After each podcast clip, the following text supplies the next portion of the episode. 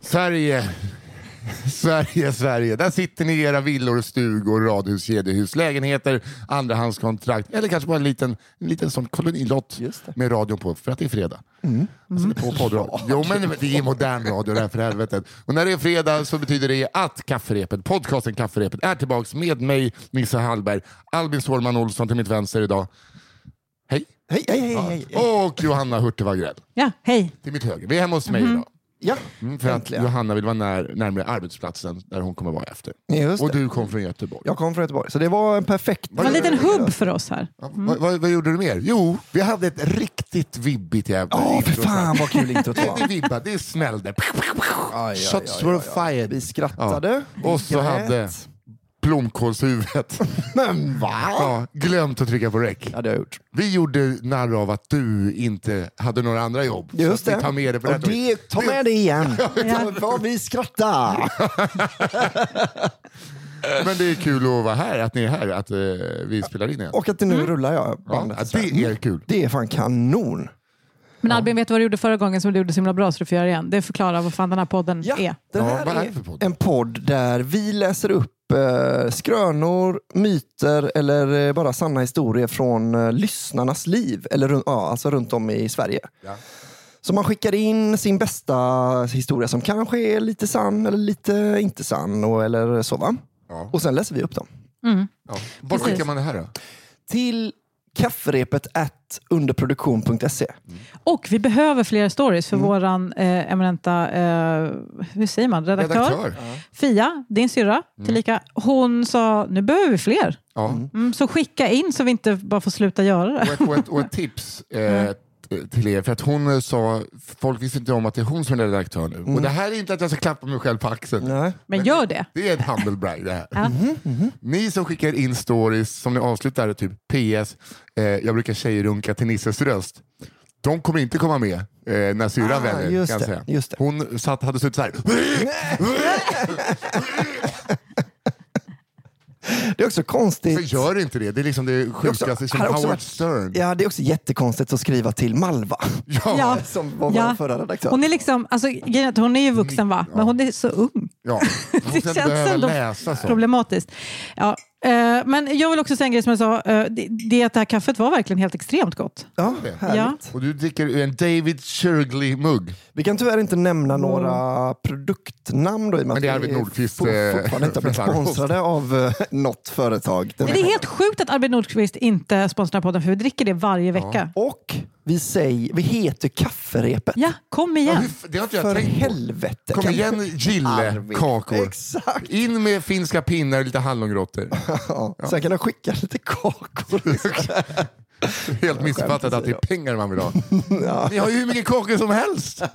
Vad fan, det kan inte kosta er mycket att skicka ett par lådor och en... eh, Och nu sätter jag ner foten. Om det är någon som jobbar där som hör här, skicka inga jävla kakor. Nej, skicka pengar. Ja, Och skicka. så, så annars, kommer Vi vi, köper våra egna kakor. Du. annars är det Göteborgskex. Ja. Ja, det är gott. Det är riktiga Var grejer. det att jag sa kex nu? Bara för att jag hänger lite mer i Göteborg. Eh, ja, men de borde också. Nu ska de landa flytta till Litauen i och för sig. Men, Ja.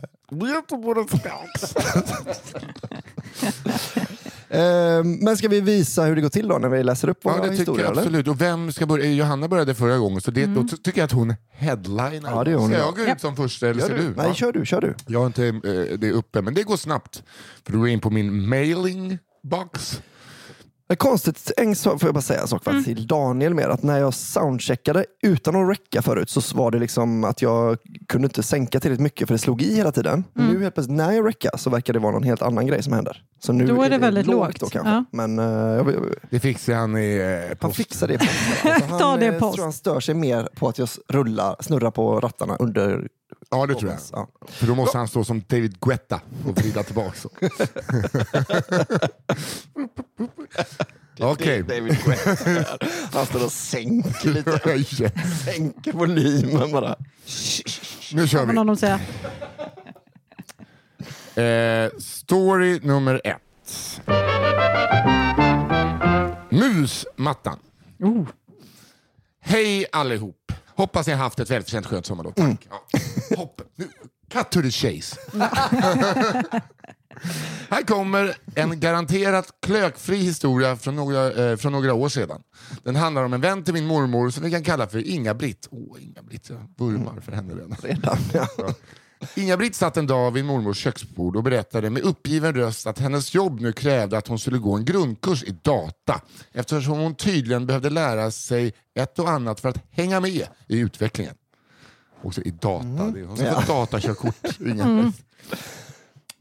Inga-Britt själv var av åsikten eh, att datorer var nymodernt påfund om en kvinna med ett fåtal år kvar till pensionen faktiskt kunde slippa lära sig hantera.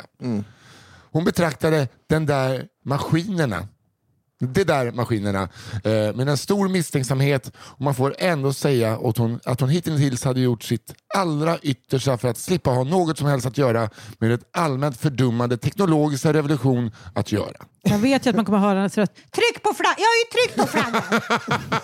Det är flagga ett, Det händer ingenting. Det är bara några timglas här! Det är den där gubben i hörnet igen. Det GM kommer hela tiden! Hur blir jag av med han nu då? Och din tantröst är, är underbar. Gud. Men nu hade det alltså hänt. Arbetsgivaren vägrade ge med sig. Inga-Britt hade anmälts till en grundkurs i data samma torsdagskväll och det var den gången hon skulle bli tvungen att faktiskt gå dit. Så en råkall novembertorsdag var det dags och Inga-Britt anlände i god tid till den lokala landsortsskolan i vars datasal kursen skulle hållas. Väl där inne blev hon lite gladare när hon träffade på ett flertal kvinnor och något färre män, alla i ungefär hennes egen ålder och vilka hon kände 100 procent. Ja, det är den typen av liten ort vi befinner oss på. Ja, alla känner alla. Eftersom kursens Hon kommer ju lärare... dit arg också. Det är det som är skönt Ja, att ja, de träffar folk hon känner. För hon, Hon kommer dit egen arg. Hon, är, hon har jobbat upp sig som fan över att hon ska behöva... Alltså, redan stressad utav helvete för att hon inte fattar någonting. Utan att någon har sagt någonting. Och då känn, träffar hon folk hon känner. Då känns det, det mjukare hela lite. Det fanns kaffe. Exakt. Säkert. Superbra. Eftersom kursens lärare ännu inte syntes till satt sig deltagarna vid varsin dator och började skvallra glatt med varandra i väntan på att kursen skulle ta sin början. På slaget sju steg på slaget sju, Ja. komma, steg det in en man som på egen hand drog ner medelåldern i rummet med cirka 15 år och meddelade att han hette Jens och skulle fungera som datalärare under kursen. Därefter fortsatte Jens med att instruera deltagarna att börja med att sätta igång sina datorer och visade vilken knapp som eh, skulle åstadkomma detta under. Just ja, det var on-knappen antar jag. Ja, det beror Samt att med muspekaren klicka på rutan för inloggning som då dök upp. Genast hör Jens ett väldigt skrapande av möss mot trä och tittar upp på sina kursdeltagare för att sedan eh, förvånat utbrista Men vad har alla musmattor tagit vägen? Okej, För en sekund glömde jag bort att, för, för en sekund glömde jag bort att det var datamöss. Jag trodde att det var massa, massa små möss i väggarna. Ja, men man säger ju datamusar väl? Eller? Jag vet inte. Jag tror jag, jag, jag tappade helt fot. Ja. På detta följer total tystnad från alla kursdeltagare som förvirrat tittar på varandra eftersom de inte har någon aning om vad en musmatta är. Tills Inga-Britt plötsligt får en uppenbarelse och utbrister Menar du den här? Och drar fram sin musmatta som hon sitter på. Nå, det är klart. Ja. Dataläraren nickar stumt varpå alla andra kursdeltagare också drar fram sina musmattor under sina rumpor och sätter tillbaka dem på deras platser.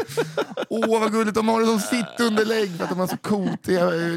Ja, de bara, ja, det är väl skönt för det är, så, det är så obekväma stolar. Så det är bra att de har något lite man kan sitta på. Gud vad jag trodde att det här skulle bli ett skämt om att raka fittan. Ja, men jag, gud, säger man musmatta, det är väl det första man Jag tänkte tänker. att de här gamla tanterna, ja jag håller med, det kan inte vara bra att hålla på med sånt, så här, raka. Att man bara håller med, vart tog alla musmattorna vägen? Ja, nej. Men det, var inte, det var inte det som hände. Vad som har hänt är nämligen att Inga-Britt, med den sanna, eh, som den sanna influencer hon är, hade tyckt att det var lite förbenat kallt i den där datasalen och framförallt hade hon frusit om sin rumpa. När hon fick syn på musmattan antog hon att det helt enkelt var något slags sittunderlag som lagts fram just för detta ändamål och satte sig på den för att värma sin bakdel. De andra kursdeltagarna, vars datakunskaper var precis lika obefintliga som Inga-Britts, ville inte vara sämre och följde genast hennes exempel och satte sig på sina egna musmattor. Men som Inga-Britt med ett illmarligt leende sa när hon senare berättade historien för mormor och mig de flesta av oss använder ju den faktiskt som en musmatta, så jag förstår inte vad han klagar på. Slut. Just det, Där kom den, Albin! Ja, där kom det. Den lilla... Den lilla ordvitsen. Ja, men eh, det, det var väl en rimlig action Ja. att ta. Och en väldigt gullig första historia får jag säga. Ja, men, tänk att kunna Jag fryser ju av så, mus här. men tänk att kunna så lite om datorer att man tror att det behövs en särskild liten matta att sitta på. Ja, Och att, alla, att det alltid finns en eh, liten matta som är för liten också. Det är Förmodligen. inte sånt man har med sig till bandymatchen Nej. när man sitter i köld. Ja, den var ändå... Den var gullig. Ja, den var var gullig. gullig, snäll start. Det var det verkligen. Men jag klöktes lite. Ja, men eh, när liksom, eh, det sitter eh, 14 stycken 80-åriga korvbröd på musmatta, då blir det ändå en liten... En liten så. Nu är det bara kvinnohat i det här rummet. Nej, för gubbstoppar är också äckligt. Just spelar det. ingen roll. Det är ändå kvinnohat. Nej, men det är inte kvinnohat. Du kan inte väga upp kvinnohat med gubbhat. Jo, det kan man. För gubbhatet är befogat. Har du aldrig sett Nisses standup-shower? Det är exakt det han gör. Jag blandar och ger. Vi killar vi är riktigt dumma i huvudet, men tjejer! Det jävla kanon. Det är ju kanontaktik. Jag kommer liksom inte, jag kommer inte släppa det. Alltså det här, den här kullen kommer jag dö på tills jag lyckas deplattforma någon av er. Ja, men, eh, men då, märkte du just vad som hände? Vadå? Förra eh, avsnittet sa du den här kullen kommer jag dö på. Just Ja, det. hon bara snor det. tal om Hon tar den. Wow, kvinnohat. Oj, nu blev det en sån nervös Ja, nu kille tog som börjar, som börjar Börjar kittla. tafsa på mig när vi sitter där. Ja. Men nu är det Aj, kört. aj, aj, vad Nu kan vi kul. aldrig mer podda ihop. Ni har hört det sista avsnittet av Kafferepet. Den populära eh, podcasten Kafferepet bröds första fredagen i september då Nissa Hallberg sexuellt ofredade en av deltagarna och påvisade ett extremt kvinnohat. Ja. Han försökte rädda det med gubbhat men det vet vi alla, det går Åh. inte att blanda ihop. Drömmen. Jag flyttar, flyttar bort lite. Känner mig skyldig till något. Albin, Lite Albin byt stämning. Albin! stämning här. Läs upp din historia! Jag Ja, hoppas det är någonting med död av djur och sånt där som byter fokus. Det här ska nog kunna få er att lugna ner er lite. Tandpetaren heter den. Oh. Den här historien utspelade sig i en stad i Skåne för några år sedan då jag var 15 år gammal. Precis som många andra i den åldern bedömde jag att lidandet av konfirmationen var värd belöningen man fick i slutändan. Inte i form av kunskap och erfarenhet utan såklart presenter. Men så är det ju. Så är det ju verkligen. Det här känner jag igen mig i. Mm. På ett konfaläger när prästen predikade letade jag och mina kompisar desperat efter något annat att fokusera på än den ointressanta genomgången. Jag skannade av rummet och mina ögon landade på killen framför mig som vi kan kalla för Peter. Kort sagt kan Peter beskrivas som en person som älskar vetelängder. Oh, wow! And we're back! Okej. Det är så kul att det har blivit, det har blivit vedertaget. Alltså, jag tänker att det är samma inskrivare, för det var ju också i Helsingborg. Ja, Att det, bara, säkert. det, han ska, det här ska pregas in den här Ja. jävla sägningen, alltså, om man gillar vetelängder. Vem gillar inte veta Nej, det är i och för sig sant. Men Jag kan i och för sig inte ha några av mina vanliga byxor på mig så jag kanske inte ska Inte jag heller. backa lite. Jag har, jag har två par stretch jeans kvar. Men jag köpte nya ju, tights igår, det här är inte ens byxor. men det gör ju verkligen påståendet om att alla älskar vetelängder sant. ja, så är det. Eh, Som de flesta med fritidsintresset att proppa sig fulla med onyttigheter hade han en asscrack som sträckte sig från ländryggen och neråt. Inte heller brydde fan han sig... börjar hans eget då? Är det inte där det börjar, asscracket? Alltså, att röven börjar i slutet på ryggen. Ja. Men vissa börjar ju faktiskt börjar ju Ja. en god 10 centimeter högre upp. Jag vet, Om men det var har inte det han sa. stora, sk- stora. Fine, fine. Jag ska Jag sluta inte spela djävulens ländryggen och advokat. korsryggen vad skillnaden är, men eh, det kanske är samma. Inte jag heller riktigt i och för sig. Du skulle haft en läkare med i Ja, det skulle vi haft. Men också, hur kul hade det varit? Supertråkigt. Förmodligen tråkigt. Inte heller brydde han sig om att försöka dölja denna. Som en slump hade jag nyss pillat av ett klistermärke från stolen jag satt på och hade ingenstans att lägga det. Så Som det en var ett stort slump, problem i hans ja. liv. För den. Ni förstår säkert var detta är på väg. Visserligen kunde jag ha försökt sätta tillbaka det eller slängt det på golvet. Men min och mina kompisars utmaning blev istället att stoppa ner så mycket skit vi kunde i Peters kalsonger utan att bli påkomna. Med darrande hand lät jag det hoprullade klistermärket försiktigt glida ner utan att nudda hans svettiga skinker. Jag släppte det och drog snabbt tillbaka handen utan att Peter märkte någonting. Vi fnittrade och letade direkt efter något annat att fylla Peters byxor med. Mina kompisar hittade någon dammig klump av hår som jag snabbt dunkade ner mellan... Det här är ren mobbing. Ja, det är ren mobbing. Det är det ju verkligen. Ja. Det är därför du älskar och jag och Nisse sitter och bara får lite panik. Ni- ni Vart är vi på väg? Ja, men det är ju inte... Vi bara läser upp va? Ja, ja, ja. ja visst, visst, visst. Det är public service detta på ett sätt. Ja.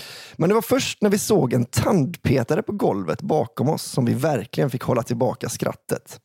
En snabb handrörelse senare så låg den i Peters svettiga kalsonger. Efter genomgången gick vi efter Peter i korridoren och såg på när han obekvämt vaggade fram. Snart, ste- Snart stelnade han till och stoppade ner handen där bak för att sedan dra fram klistermärket som var först med att hamna i boxershortsen. Just det. Peter vände sig om och röt. Vem fan har lagt den där? Ja, det är bra Peter! Fy fan. Nu börjar, nu börjar det ho- ta sig här. Ja, hoppet kommer här nu. Ja. Pokerface var ingen, inte en konst vi hade bemästrat så vi gapskrattade rakt ut. Det var inte bara Peters reaktion som var det roliga utan även det faktum att tandpetaren låg kvar. Någon månad senare satte sig Peter oväntat vid vårt bord i matsalen på skolan och förklarade glatt att han denna morgon hade hittat ett popcorn i sina kalsonger.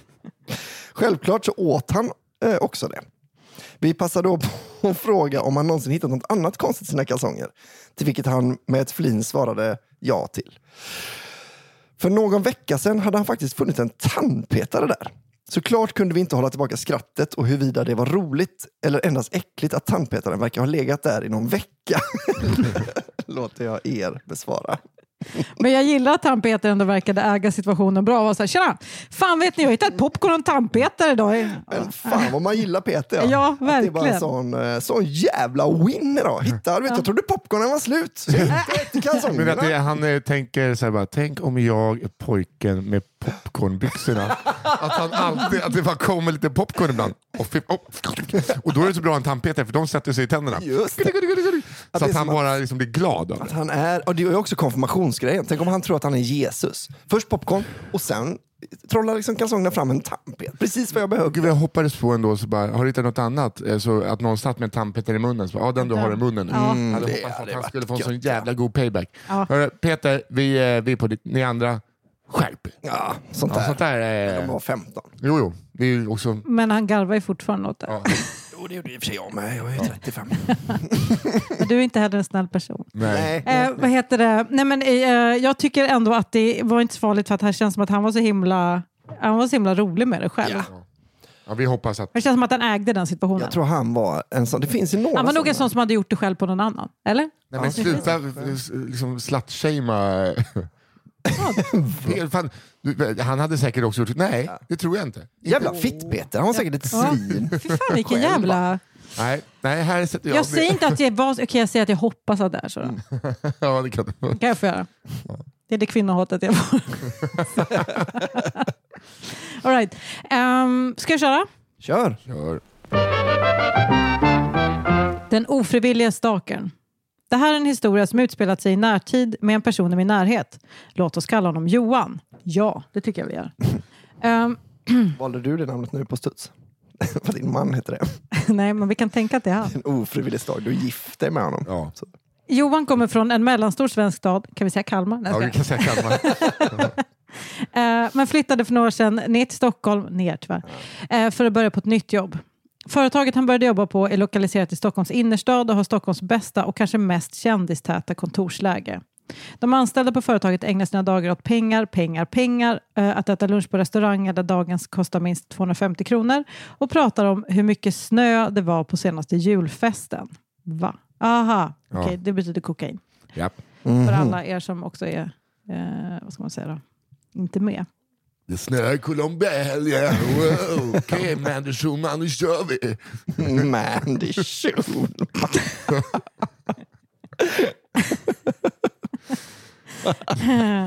Det är din sån go-to kokainkompis. Och du får välja en i Stockholm. området eh, där Ah, ja. de har kontor.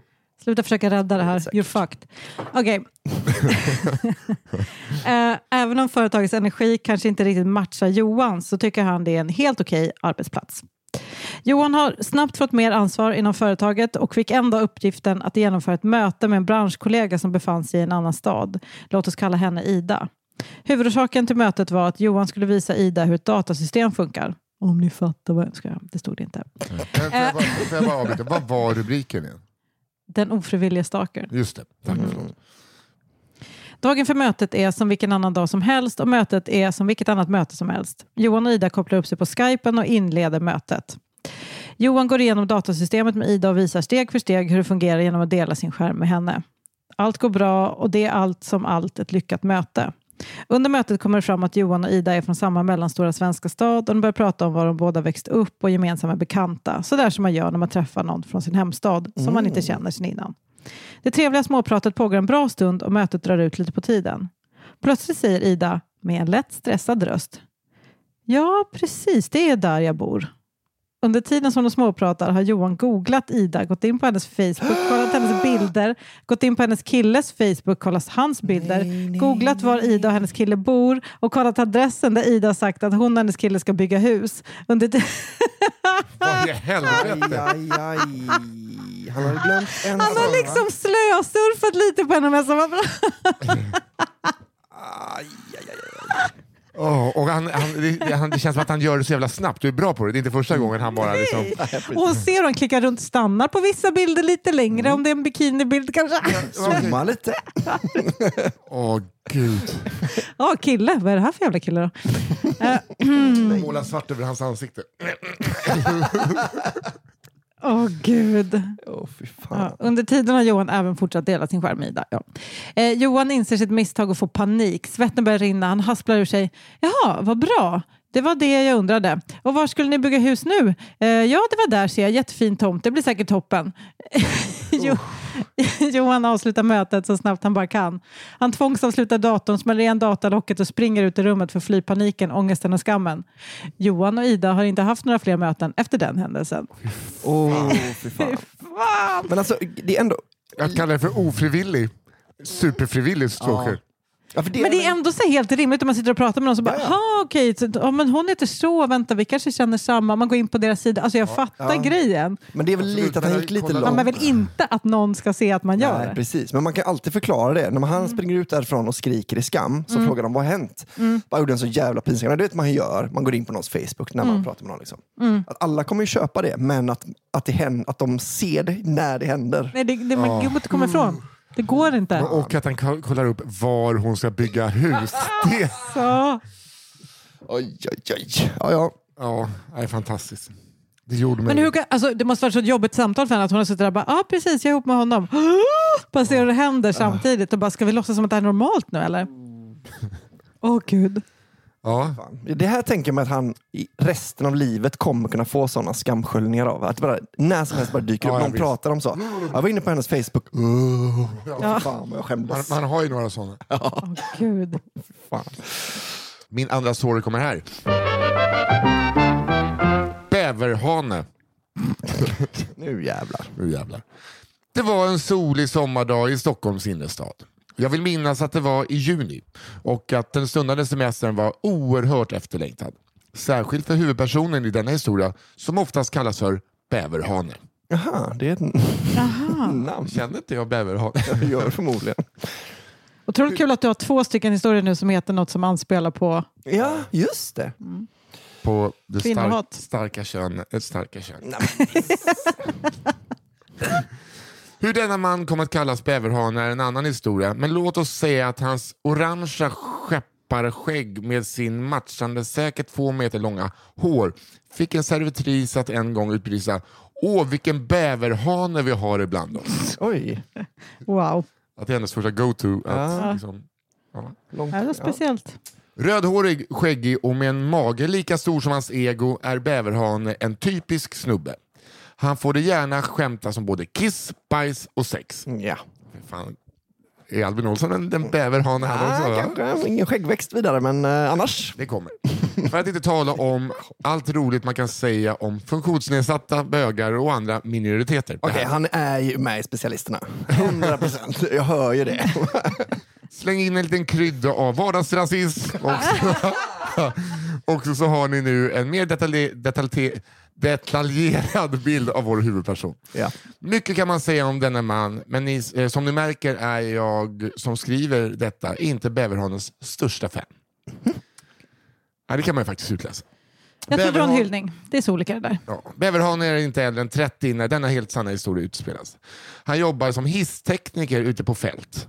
Ja, visst fan jobbar man ute på fält. Man är inte hisstekniker i en trapp bara och Det är det läskigaste jag kan tänka mig att jobba som. Hisstekniker. Ja, Ballongförsäljare då?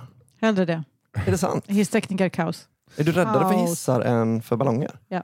Tänkte, eh, en, skitsamma, jag fortsätter. Han jobbar som hisstekniker ute på fält. Vilket betyder att när en hiss är trasig ringer man till företaget som herr kan- Bäverhane jobbar på. Vilket var just det som hände denna soliga sommardag i juni. Mm, hoppas det var Schindler. Det har han säkert massa skämt på då. Bäverhane jobbar på en hiss i Stockholms innerstad. Ni vet en sån där liten hiss med gallerdörr på insidan. Åh, panik. Det är varmt i huset och det är inte svalare i maskinrummet högst upp i lägenhetshuset. Åh, ännu läskigare. Kanske var det värmen som drev på behovet att uppsöka en toalett. Något som inte fanns tillgängligt på tillräckligt nära avstånd.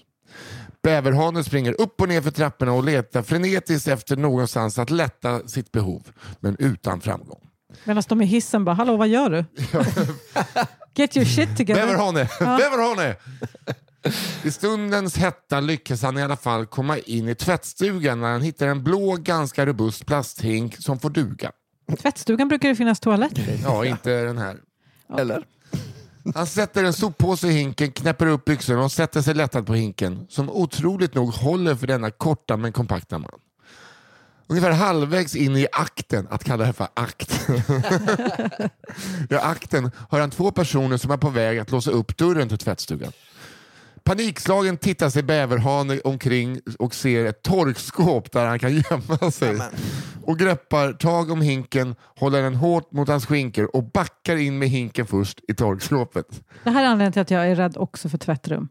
Ja, ja. Bävrar. Ballonger, bäverhanar, tvättrum och hissar. Uh. Bäverhane ser igenom dörrspringan att ett par kommer in och börjar påbörja eh, sin tvätttid. Ja. Inte bara ringmuskeln får jobba hårt för att stå blickstilla i det, blå, eh, i det lilla plåtskåpet där minsta rörelse skulle höras på långa vägar. Svetten rinner längs med bäverhanens kropp. Musklerna börjar snart krampa. Tanken slår honom att det finns en chans att paret öppnar torkskåpet för att finna en ung svettig man med kuken i vädret och en odör som inte skulle vara till hans fördel. Detta får inte hända. Ungefär tio minuter senare lämnar paret tvättstugan och bäverhanens ringmuskel får äntligen lite välförtjänt avslappning. Slutet gott, allting gott. Och panik! Hela den här historien var bara panik. Så han kom undan. Ja. Det är det som, Han säger jobbar att, kvar, histori- det är det som säger att den är sann. Ja, Det har 100 procent. suttit en Gimli och skitit i ett torkskåp.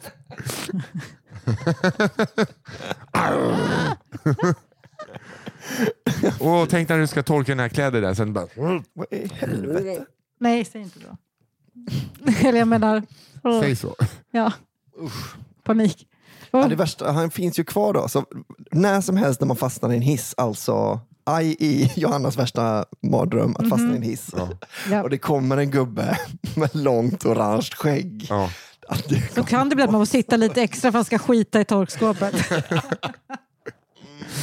Och att ett torkskåp liksom blir, det är ju inte kallt där inne. nej, om det är på det. Det hade som- varit kul om de bara vred Det på är det. som att bygga ett utedass i plåt utan mull.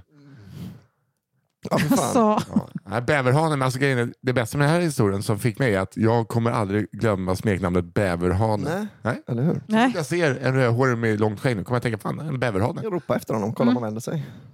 Alla de är kallar säkert det. Ja, Alla dem. Det är tydligen go-to för alla servitriser. Exakt.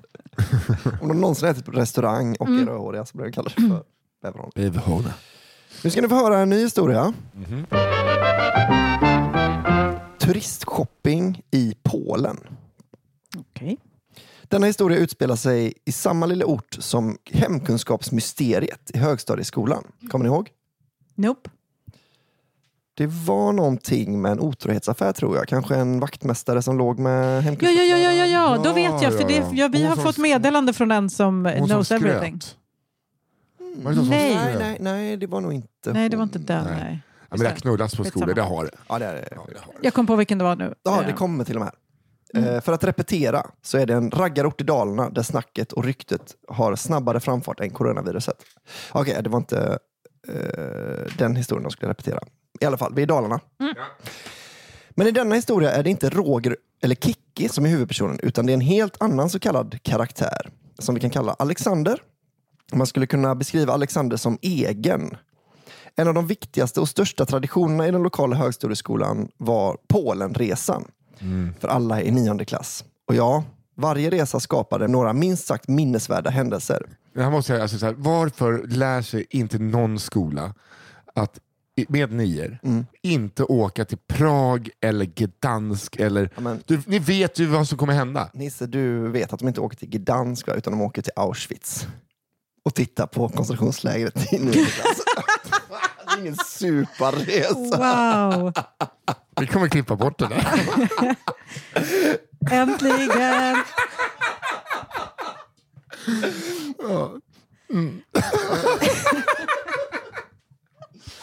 Ja men det finns ju de som åker till Prag också. Det, finns ju de som åker till Prag också. Det finns det faktiskt. på Vi har hört många resor. historier i den här podden just om den typen av resor, så jag förstår dig. jag Men det här... Ja, men att det är just skolan gör den varje år för Ja, men. Ja, ja, Ja, mm, ja, Gdansk är en Gdansk. Ehm, och ja, varje resa skapar några minst sagt minnesvärda händelser. Precis som man kan föreställa sig när man släpper iväg 80 stycken 16-åringar till Krakow som aldrig sett något annat än en landsväg. När det var Alexanders tur att resa till Polen tillsammans med hans årgång var det inte första gången en nionde klass från den lokala högstadieskolan reste dit. Alexanders årgång blev tipsad av tidigare årgångar om två viktiga turistmål i Krakow som inte fick missas. Nämligen strippklubben och sexbutiken. Dessa turisttips tyckte Alexander var briljanta och lika självklara att besöka som Frihetsgudinnan i New York då antar jag. Ja. För den är inte i Krakow. Nej. När Alexander och hans årgång ankom till Polen fick samtliga niondeklassare någon timmes fritid på kvällen innan samling och läggdags på vandrarhemmet. Alexander och hans vänner rusade direkt längs Krakows gator in mot centrum med mobilen i högsta hugg för att kunna lokalisera vart The Sex Shop ligger. Jag att det är en också. Väl där inspekterades varenda pryl. Jag är osäker om instruktionsböcker lästes, men jag kan tänka mig att det i Alexanders huvud fantiserades om hur produkten användes praktiskt. Dessa besök av Alexander och hans vänner gjordes samtliga dagar på fritiden och under veckan shoppade Alexanders vänner glatt någon parfym som sägs kunna förföra kvinnor och öka sexlusten. Det är som i Anchorman, den panterparfymen. Luktar bäverpiss. Men Alexander väntade med ett köpslut trots hans regelbundna besök. Till sista kvällen när han väl slog till. Efter en veckas tid studerande och konsulterande med hans behov slog han till på en eh, uppblåsbar Barbara. Lätt, billig och framförallt praktisk. Saken är den att detta inte var en vanlig Barbara. Den här sexdockan Den här sexdockan var inte en människa. Det var en kossa på fyra ben. I skala 1 till 1 också, att man får stå på en liten pall. Och mörkret. Alexander efter hade efter en vecka insett att det är en Barbara kossa. Men kunde han inte räknat ut det när det liksom stod så här mo, moficken eller någonting? Att det stod, Nej, nej, han köpte den väl medvetet. Han är från landet den här killen. Eh, Så här i efterhand kan man förstå varför Alexander väntade till sista kvällen. Ryktet säger att Barbara-kossan användes flitigt och att han till slut blev påkommen med den av sin morsa. Och det är då man slutar älska sitt barn va? Ja. är, det, är det exakt då? Det, här, det är den, den, den, det som händer när man är så, du Alexander, det här kommer vi inte ens ta ett snack om. Nej. Du ska ut. Du ska, du ska packa dina... Pappa och jag vill inte ha någon mer kontakt med Det, är- dig. det är kul att han är, liksom, får inegångsförbud. Att han är bara... Du får inte vara hemma på två veckor. Du har knullat den här kossan för sista gången. Kossan kan stanna. Jag har inte gjort något fel. Åh fy fan. Åh, Gud. Okej. Ska jag köra? Ja. Hyresvärden och extranyckeln. För sisådär sju år sedan studerade jag i Skottland. Staden där jag bodde var på många sätt en typisk studentstad på uppsving med flashigt nytt centrum och nybyggda studentbostäder. Men många var också tecknen på den sedan årtionden utdöda industrin. Med övergivna fabriker, låg levnadsstandard och ett utbrett drogproblem. Gud vilken svår mening att ta sig igenom, men jag gjorde det. som Låter som Göte, låter Göteborg. Ja. Liverpool. Det låter exakt som Skottland. Ja. Jag bodde i utkanten av staden, precis på gränsen mellan några familjevänliga kvarter och andra sunkigare områden där det absolut hände att man hittade gamla sprutor i trappuppgångarna. Lägenheten jag hyrde var renoverad av hyresvärdens vuxne son Paul. Paul hade, så att säga, inte riktigt alla hästar hemma. Min kvalificerade gissning är resultatet av ett mångårigt missbruk. Jag misstänkte därför att han, efter år på glid, fått den här lägenheten som ett projekt av sin far som ägde flera hyresrätter runt om i staden. Mm. Lite kontext och kuriosa om Paul och hans färdigheter som hyresvärd. Okej. Jag älskar insändaren. Han stod som sagt för renoveringen av lägenheten innan jag flyttade in. I sovrummet målade han vitt, men en tidigare tapetserad bård lämnade vaga konturer genom målarfärgen, vilket han tyckte var fult. Jag är ingen expert på ämnet, men tänker spontant på spackel och sandpapper som effektiva sätt att hantera ojämnheter på väggar. Paul däremot, han valde att spika plankor över. Så att det, ser ut, det ser ut som en källare på ett sjukhus, så att man kan gå med sådana burar utan att skada färgen. Eh, Så för att dölja och maskera linjerna från den gamla bården fick rummet en ny bård i obehandlat furuplank. Det är som ett gammalt David Sundin-skämt när han ska dölja ett stånd med ett st- större stånd. Det har inte jag se- hört. Nummer två. En gång nämnde han i förbifarten att han hade en dotter som han varannan vecka på utsatt tid fick prata i telefon med. Han fick dock aldrig träffa henne då han hade besöksförbud. Varför berättade han dock inte. Okej. Nummer tre. Jag upplevde honom så, dock som rätt harmlös. Till exempel valde han att inte höja hyran mitt andra år i lägenheten trots att det stod i kontraktet. Detta för att han tyckte det räckte med hyran som den var. Denna hyra var långt under snittet i stan. Gulligt. När historien jag tänkte återge utspelade sig så hade jag eh, min familj på besök. Jag hade bara en nyckel till lägenheten och ytterdörren var av den typen som låser sig automatiskt när den slår igen. En natt är det en i familjen som mår så pass dåligt att vi åker in till sjukhuset. Många timmar senare, trötta och hungriga, återvänder vi till lägenheten bara för att upptäcka att ingen fått med sig nyckeln i kaoset. Jag försöker därför få tag på Paul för att låna den extra nyckel jag vet att han har och till slut möter vi upp honom på andra sidan stan. Jag tänker för mig själv att jag inte känner igen nyckeln han ger mig men att det väl eh, måste vara en annan kopia. Så vi tar oss hem igen bara för att såklart upptäcka att det är fel nyckel vi fått. Ännu tröttare och hungrigare ringer jag Paul som intygar att det där absolut är den enda kopian. Jag försöker säga att jag inte känner igen nyckelringen. Var den inte gul? Nej, svarar han. Det är absolut den där. Han säger att han ska komma över och väl på plats konstaterar han efter många om och men att vi får sparka in dörren. Ja, Inte ringa låsmed, sparka in dörren. Problem solving. Vid det här laget är alla så trötta, hungriga och frustrerade att vi rycker på axlarna och dörren sparkas in. Något som visade sig vara oroväckande enkelt. Ingen säkerhetsdörr här inte. Lättad över att i alla fall vara inne i lägenheten konstaterar vi att dörren går att stänga hjälpligt och jag får använda säkerhetskedjan tills dess en låsmed kan komma förbi. På väg ut säger Paul Konstigt där med nyckeln, men jag var så säker på att det var den gula. Jag och familjen tittar på varandra. Men nyckeln jag fick av dig var ju blå, svarar jag. Var den? utbrister han. Så stoppar han handen i byxfickan och drar upp ett gäng nycklar varav en har en gul nyckelring, min extra nyckel. Åh. Alltså, sådana som är så säkra och bara så, nej men då, då sparkar vi in. ja, Men du ska inte... Åh, jag sparkar in dörrjäveln bara. Jag tänkte ni på att rummet med en bård, det lär ju varit barnets rum som han har liksom, eh, gjort fint med. Åh nej. Ja, där han vill inte bli påmind om den här... Det var liksom så elefanter som höll varandra i svansen och Ja. sånt. Och så bara, nej det här vill jag inte se igen. Nej, Spika för det var, han sa, det blev så här, ja, påminner om besöksförbudet för att jag ska döda min syster och sådär. Eller mamman till barnet som vi kallar henne. Ja, Som vi skämtsamt brukar kalla det. Okej, då har jag, vi är är helt, nästan helt sex och klökfritt idag va? Ja, Ja, förutom möjligtvis då en liten plastkossa. ja, som blev manhandled. Eller möjligtvis, det var ju garanterat. Ja. inte Den- sexfritt. Den mår inte bra idag. Då tar jag min sista och tredje för dagen. Mm. Öron öppna. Här kommer Geniet och Göran. Geniet och Göran. Jag är uppvuxen i en liten stad som vi kan kalla för Örnsköldsvik eftersom att den heter det. ja, det är en bra stad. Den här staden är känd för Foppa, hockey, Modo och Hägges kakor. Foppa, hockey, Modo. Det är, man kan bara säga hockey.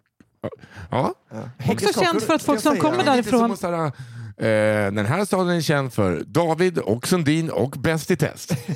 Men eh, jag ska bara säga en sak, Ja. den är inte alls känd för Häggeskakor. jag har aldrig hört talas om Häggeskakor. Jag är Nej. ledsen. Nej, nej, jag kommer ju andra sidan från en stad som kanske är känd för Göteborgs kex. Ja, absolut. Men Hägges kakor har inte jag heller hört. Så den är känd för Foppa, helt enkelt. Ja. Men Örnsköldsvik är en sån stad som folk som kommer från den tycker, alltså de är så här, jag kommer från Örnsköldsvik så du fattar ju Övik. Ja. men det är lite fint. Hägges, så. De ser sig som Ja, ja. rätt fina. Ja, det, är- det gör Är de det så? kanske. Är det fin eh, Det är, Norrland? det är så jag uppfattat alla jag träffat från Örnsköldsvik. De är säkert fem pers. Ja, Det är mycket.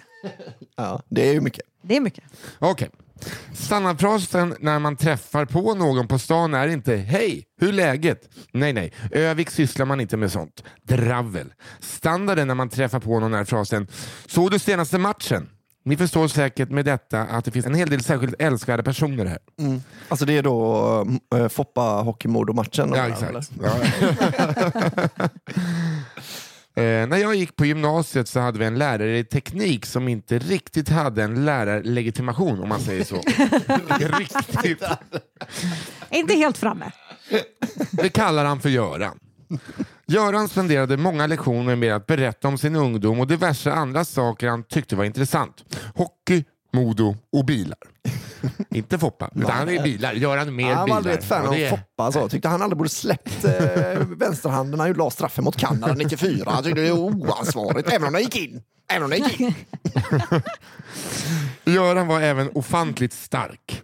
Han hade demonstrerat detta genom att driva isär Sundsvalls telefonkatalog på mitten med bokryggen först, eh, om ni förstår hur jag menar. Ja, det här har jag gjort själv. Mm, Men man behöver inte vara man behöver bara ha rätt teknik. Ja. Och Sundsvalls Jag är ändå telefon- imponerad. Ja.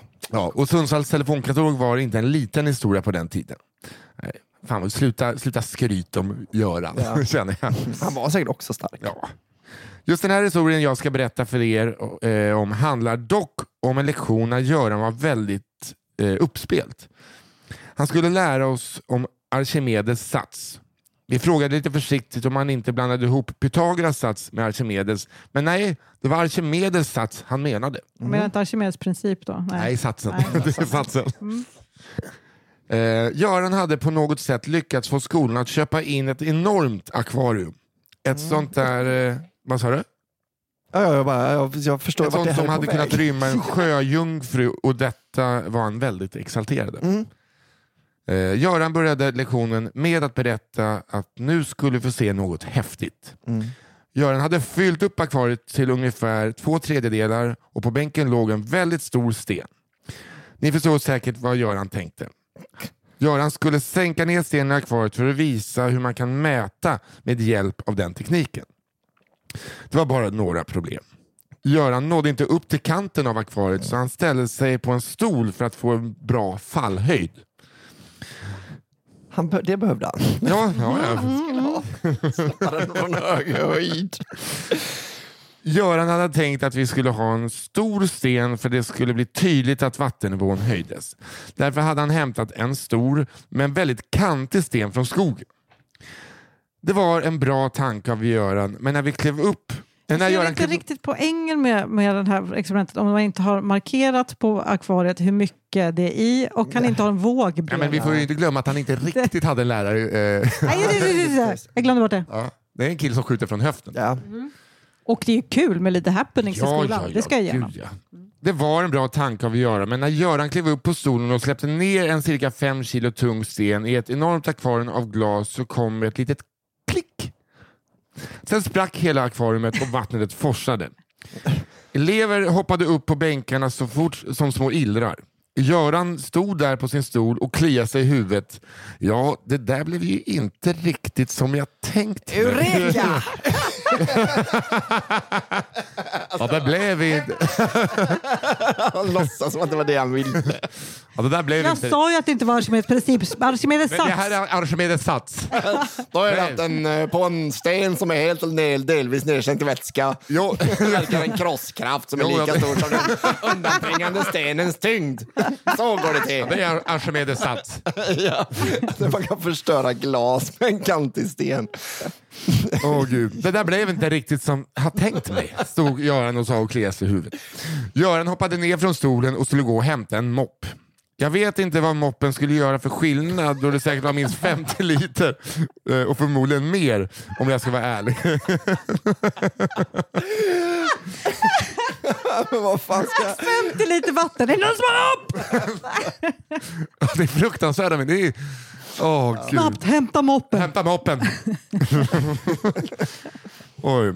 Eh, det Göran inte tänkte på när han öppnade dörren var att hans klassrum var på övervåningen och att under honom var rektorns kontor. Så han öppnade dörren kom en våg av vatten forsande som kastade sig ut över alla som stod på våningen under och vattnet letade sig såklart in på rektorns kontor och skapade en hel del vattenskador.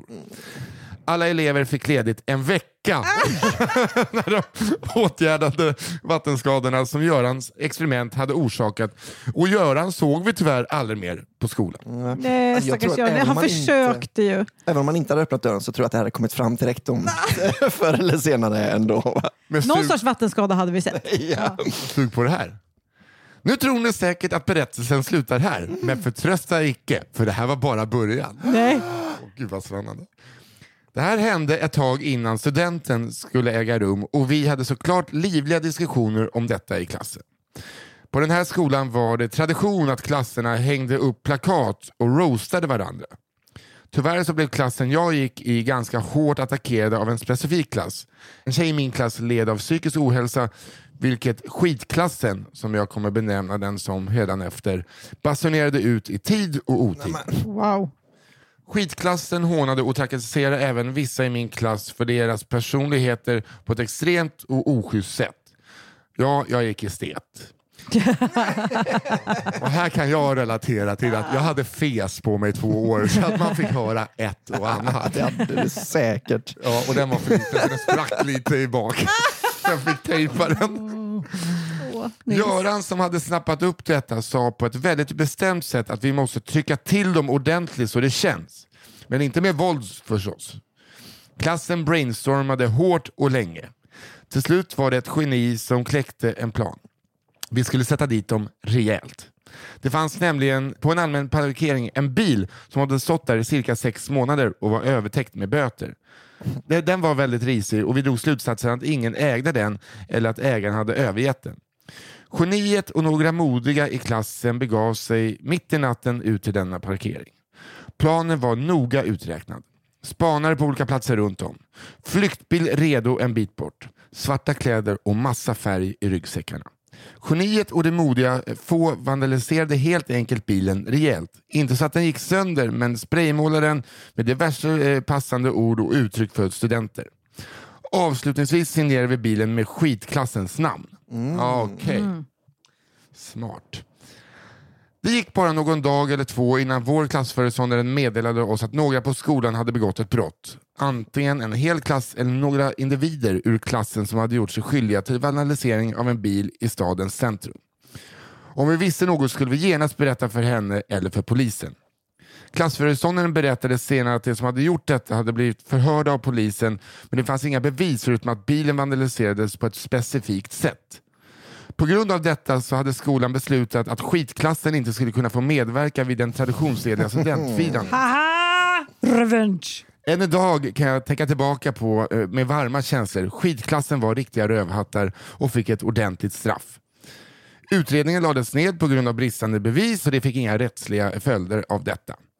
Geniet som kläckte denna briljanta plan då, hon är idag lärare på grundskolan i kommunen. Hon har eh, inte fortsatt sin brottsliga karriär förutom den gången hon råkade tillkalla en hel poliskår till en strand på grund av en mås och en brygga. Men det är en annan historia. Va? Va? Men hur var Gör, Göran var inblandad i det här på något sätt? Ja, han, hade ju, det- han hade ju tipsat att de Ah, sätta okej. dit dem hårt. På något sätt känns det ändå fint att veta att Göran bidrog med en viktig lärdom till klassen.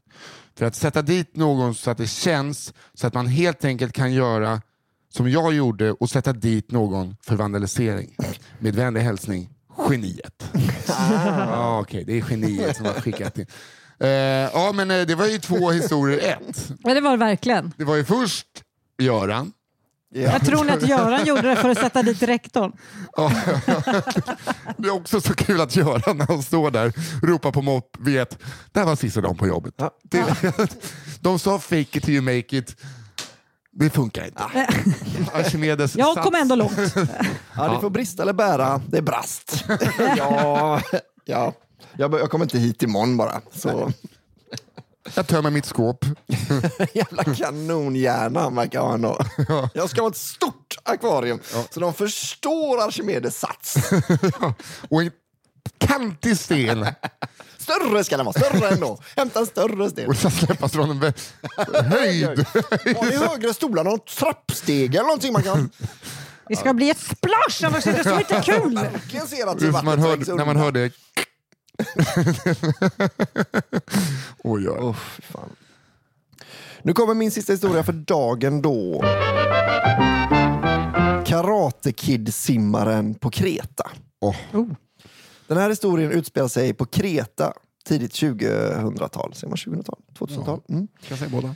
Jonte och Bettan är på semester med allt vad det innebär. Sol, öl, livsfarlig biluthyrning samt bad avverkas. Eh, eller ja, en del badande rättare sagt. Jonte är inte så förtjust i det där med att bada.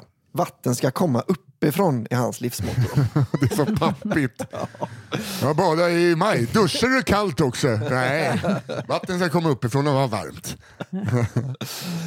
Han vet dessutom med sig att han inte är någon vidare simmare. Så för att undvika total förnedring och för att slippa återuppleva de där obehagliga scenerna från Hajen som han såg som liten så håller han sig helt enkelt på torra land. En av dagarna befinner sig Jonte och Bettan i en livsfarlig hyrbil. Eh, efter en rad kulturhistoriska utflykter och diverse besök på meningslösa platser på denna ganska så mediokra ö så tjatar Bettan till sig att de ska stanna till i en liten bukt så de kan svalka av sig. Jonte går motvilligt med på detta och paret lägger sig på stranden.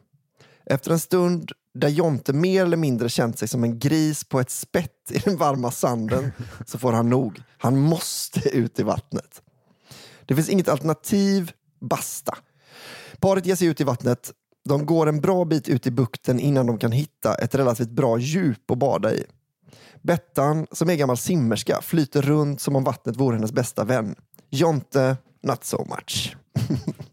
Några tafatta försök till bröstsim, lite kaffekokare. Och något Kul att krålande. han håller på så bara, är det det här som är att bada? Eller? va? Am I doing it? Am I doing it? Ja, det är lite rygg, det är lite trampa vatten.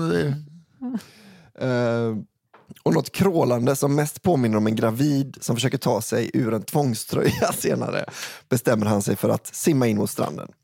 Sagt och gjort, med enormt ograciösa rörelser simmar han in mot stranden bara för att upptäcka något mörkt under sig efter en liten stund. Helvete, nu simmar Bettan under mig, bara för att jävlas. Bäst jag håller mig flytande så jag inte krockar med henne, tänker jag inte. Pang! Hans högra knä slår i något. Fan, nu knäar jag henne i ryggen. Det här är inte bra. Det ograciösa flytförsöket har nu övergått till någon sorts generellt viftande med samtliga lemmar. Mayday, jag tar in vatten, tänker Jontes hjärna samtidigt som han hostar och klöks av kallsuparna. Jag måste ställa mig upp på något sätt, se om jag kan nå botten. Jo då, det var inga problem att nå botten. När Jonte väl ställt sig upptäcker han att vattnet når honom till strax över knäna.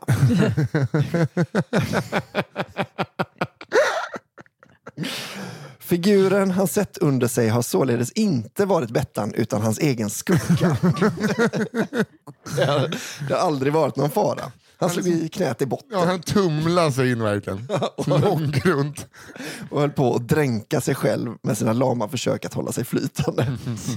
Utifrån sett måste det sett ut som någon försökte göra en Karate Kid-sparken liggandes på mage i grunt vatten. Han vänder sig om och ser Bettan stå bakom honom cirka fem meter ut i vattnet med en enormt frågande blick. De pratar aldrig mer om den här händelsen. Han håller på att drunkna när det är liksom, du vet där när man bara, man kan bara vada i. Fattar du, också, fattar du vad bra han måste vara på att vilken flytfunktion han måste ha? Att han ligger Ja. så högt. Ja, ja, just det. Han ligger högt. Som- Han vägrar ha, liksom, vara helt sänkt i vatten. Ja, han är som en sån eh, vet, eh, motordriven surfbräda som sticker upp i vattnet. Ja, just det. Han ligger och hovrar på... Och att hans första tanke när han slår i botten är nu har jag nog sparkat min sambo Ja. i ryggslutet. Otroligt kul. Det här är inte bra. Oj, här kommer en lång sista då. Legenden. Jag studerade till lärare i en mellanstor stad i Sverige och bodde i ett relativt centralt och eftertraktat område nära till såväl högskola som stadsliv. Eh, förutom alla andra vanliga eh, typer som bodde i mitt närområde bodde där också legenden. Med legenden visste du aldrig riktigt vad du skulle få. Min uppfattning är att hon var en kvinna, några år äldre än mig själv när berättelsen utspelar sig, gissningsvis 25 plus. Det som jag med flera fann mest intressant med legenden var hennes klädval. Varje gång man såg henne hade hon bytt stil. Min personliga favorit och som för alltid etsat sig fast i mitt minne är den gången hon hade kamouflagemönstrade byxor i den grå färgskalan och en kamouflagemönstrad jacka i den gröna färgskalan. Till detta hade hon matchat ett par röda lackade stilettboots och på huvudknoppen hade hon en Mozart-peruk. Det är Jag starkt. älskar henne. Ja, det är starkt. Ja. Otroligt bra. Att hon ser ut som att hon eh, liksom sitter i brittisk rätt. Ja. Men Också också, att hon är så som anklagad. alltså för krigsbrott. Jag spelar alla roller själv. Jag spelar alla roller själv. Och att hon liksom ändå måste ha tänkt lite så här, ja och så längst ner i vegetationen när man ska försvinna då kanske det är lite bär, då tar vi rött. Sen kanske det är en sten, grå kamouflage, kanske en trätopp ovanför, grön kamouflage och så lite lav på toppen. Skönt, nu kan i alla fall ingen se mig. Exakt. Åh, gud vad kul. Invisible. Okej. Um, förutom att hon ofta drog ögonen till sig kunde det även hända att hon själv ville påkalla på uppmärksamheten. En gång när min sambo gick hem från mataffären hörde han plötsligt hur någon skrek så det ekade på gatan. Han vände sig om och såg att det var endast han och legenden som gick där på trottoaren. Han något förvirrad, legenden med ett hånflin. Vi var på väg tillbaka till högskolan efter en lunch då jag och några klasskompisar lyckosamt passerade legenden. Jag berättar kort för en kamrat om min sambos interagering med henne samt några av de senaste ikoniska luckorna som hon presenterat. Min klasskompis flikar snabbt in. Men du vet eh, vem hon är eller? Jag? Nej, men känner du henne? Klasskompisen? Nej, men herregud, hon är ju en legend på lärarhögskolan. Ganska tidigt när man börjar sina lärarstudier har man några veckors praktik. Under denna praktik handlar det mest om att man ska skilja agnarna från vetet. Det vill säga att man helt enkelt ska få känna efter om det är rätt studier man gett sig in på. Legenden ska få sitt namn under just denna första praktik. Under sin första dag visar legendens handledare henne runt på skolan, går igenom schema och personliga mål med praktikveckorna. Avslutningsvis frågar handledaren om legenden har några frågor. Och det har hon. Eh, lönen som vi ska få för praktiken, kan jag få dem kontant? Jag tror inte på skatt. det är din brorsa Albin! Handledaren förklarar. Eh, ni kanske fått höra om att eh, ni ska få betalt om ni vikarierar för handledare eller för någon annan lärare under er praktik. Och det stämmer, men det tror jag inte kommer behövas. Men jag har ju praktik här i flera veckor. Det är den lönen jag vill ha i cash, svarar legenden. Handledaren förklarar igen. Praktiken ingår ju i din utbildning. Du är här några veckor istället för att vara på högskolan. Så jag får inga pengar för att vara här, utbrister legenden. Du får ju studiebidrag och kanske har du tagit studielån? Det är ju pengar du får för att du studerar, svarar handledaren. Legenden. Okej, vart finns toaletterna? Åh, gud. Sen såg man inte legenden mer den dagen. Dag två. Legenden är med vid några lektioner på förmiddagen. Äter lunch med handledaren. Ursäktar sig för ett toalettbesök innan eftermiddagens lektioner drar igång och försvinner spårlöst från skolan. Dag tre. Legenden är med vid några lektioner, ursäktar sig för att gå på toa innan lunch, försvinner. Dag fyra. Legenden var närvarar vid en lektion. Hon ska därefter vara med på ett kort möte med ytterligare kollegor till handledaren, men ursäktar sig snabbt för att besöka toaletten. När legenden försvinner från konferensrummet säger handledaren till sina kollegor Försvinner hon idag igen måste jag ringa högskolan. Självklart syns inte legenden till mer och i en paus under eftermiddagens konferenser ringer handledaren den ansvarige på högskolan och förklarar läget. En stund senare ringer handledarens mobil. Denne svarar då hen hoppas på att det är högskolan som ringer och ska ge klarhet i hur handledaren ska hantera en skolkande student. Handledaren, hallå? Legenden. Du ska inte tjalla på mig till högskolan, fattar du? Handledaren, ursäkta, vem är det här? Legenden, du ska inte snacka om mig med högskolan, förstår du? Jag vet var du bor, jag har ditt nummer. gud, legenden. That escalated. Um, Sitter hon i sin peruk, naken. ja, verkligen. Superarg. I ett tomt badkar. Handledaren... Punkt, punkt, punkt. Legenden. Jag vet vart du jobbar. Handledaren. Men du. Du ska passa dig jävligt noga, väser legenden fram och lägger därefter på luren. Den något chockerade handledaren stapplar tillbaka in på konferensen. Några kollegor frågar hur fatt och vad högskolan hade sagt. Handledaren svarar, jag tror jag precis blivit hotad av min lärarstudent. Legenden fick aldrig mer komma tillbaka till sin praktikplats utan fick istället komma till disciplinnämnden. Därefter ska hon ha blivit avstängd från lärarhögskolan. Under alla år som jag själv studerat har jag aldrig hört om någon som blivit avstängd eller ens avrådd från att fortsätta med sina studier. Med öppna armar står man och tar emot vilket jävla stolpskott som helst till den blivande lärarkåren. Helt ärligt finns det väl knappt något antagningskrav på lärarutbildningar idag. Men om man trots detta har lyckats bli avstängd, ja, då är man fan en legend. Åh, gud vad jag älskar legenden. Ja.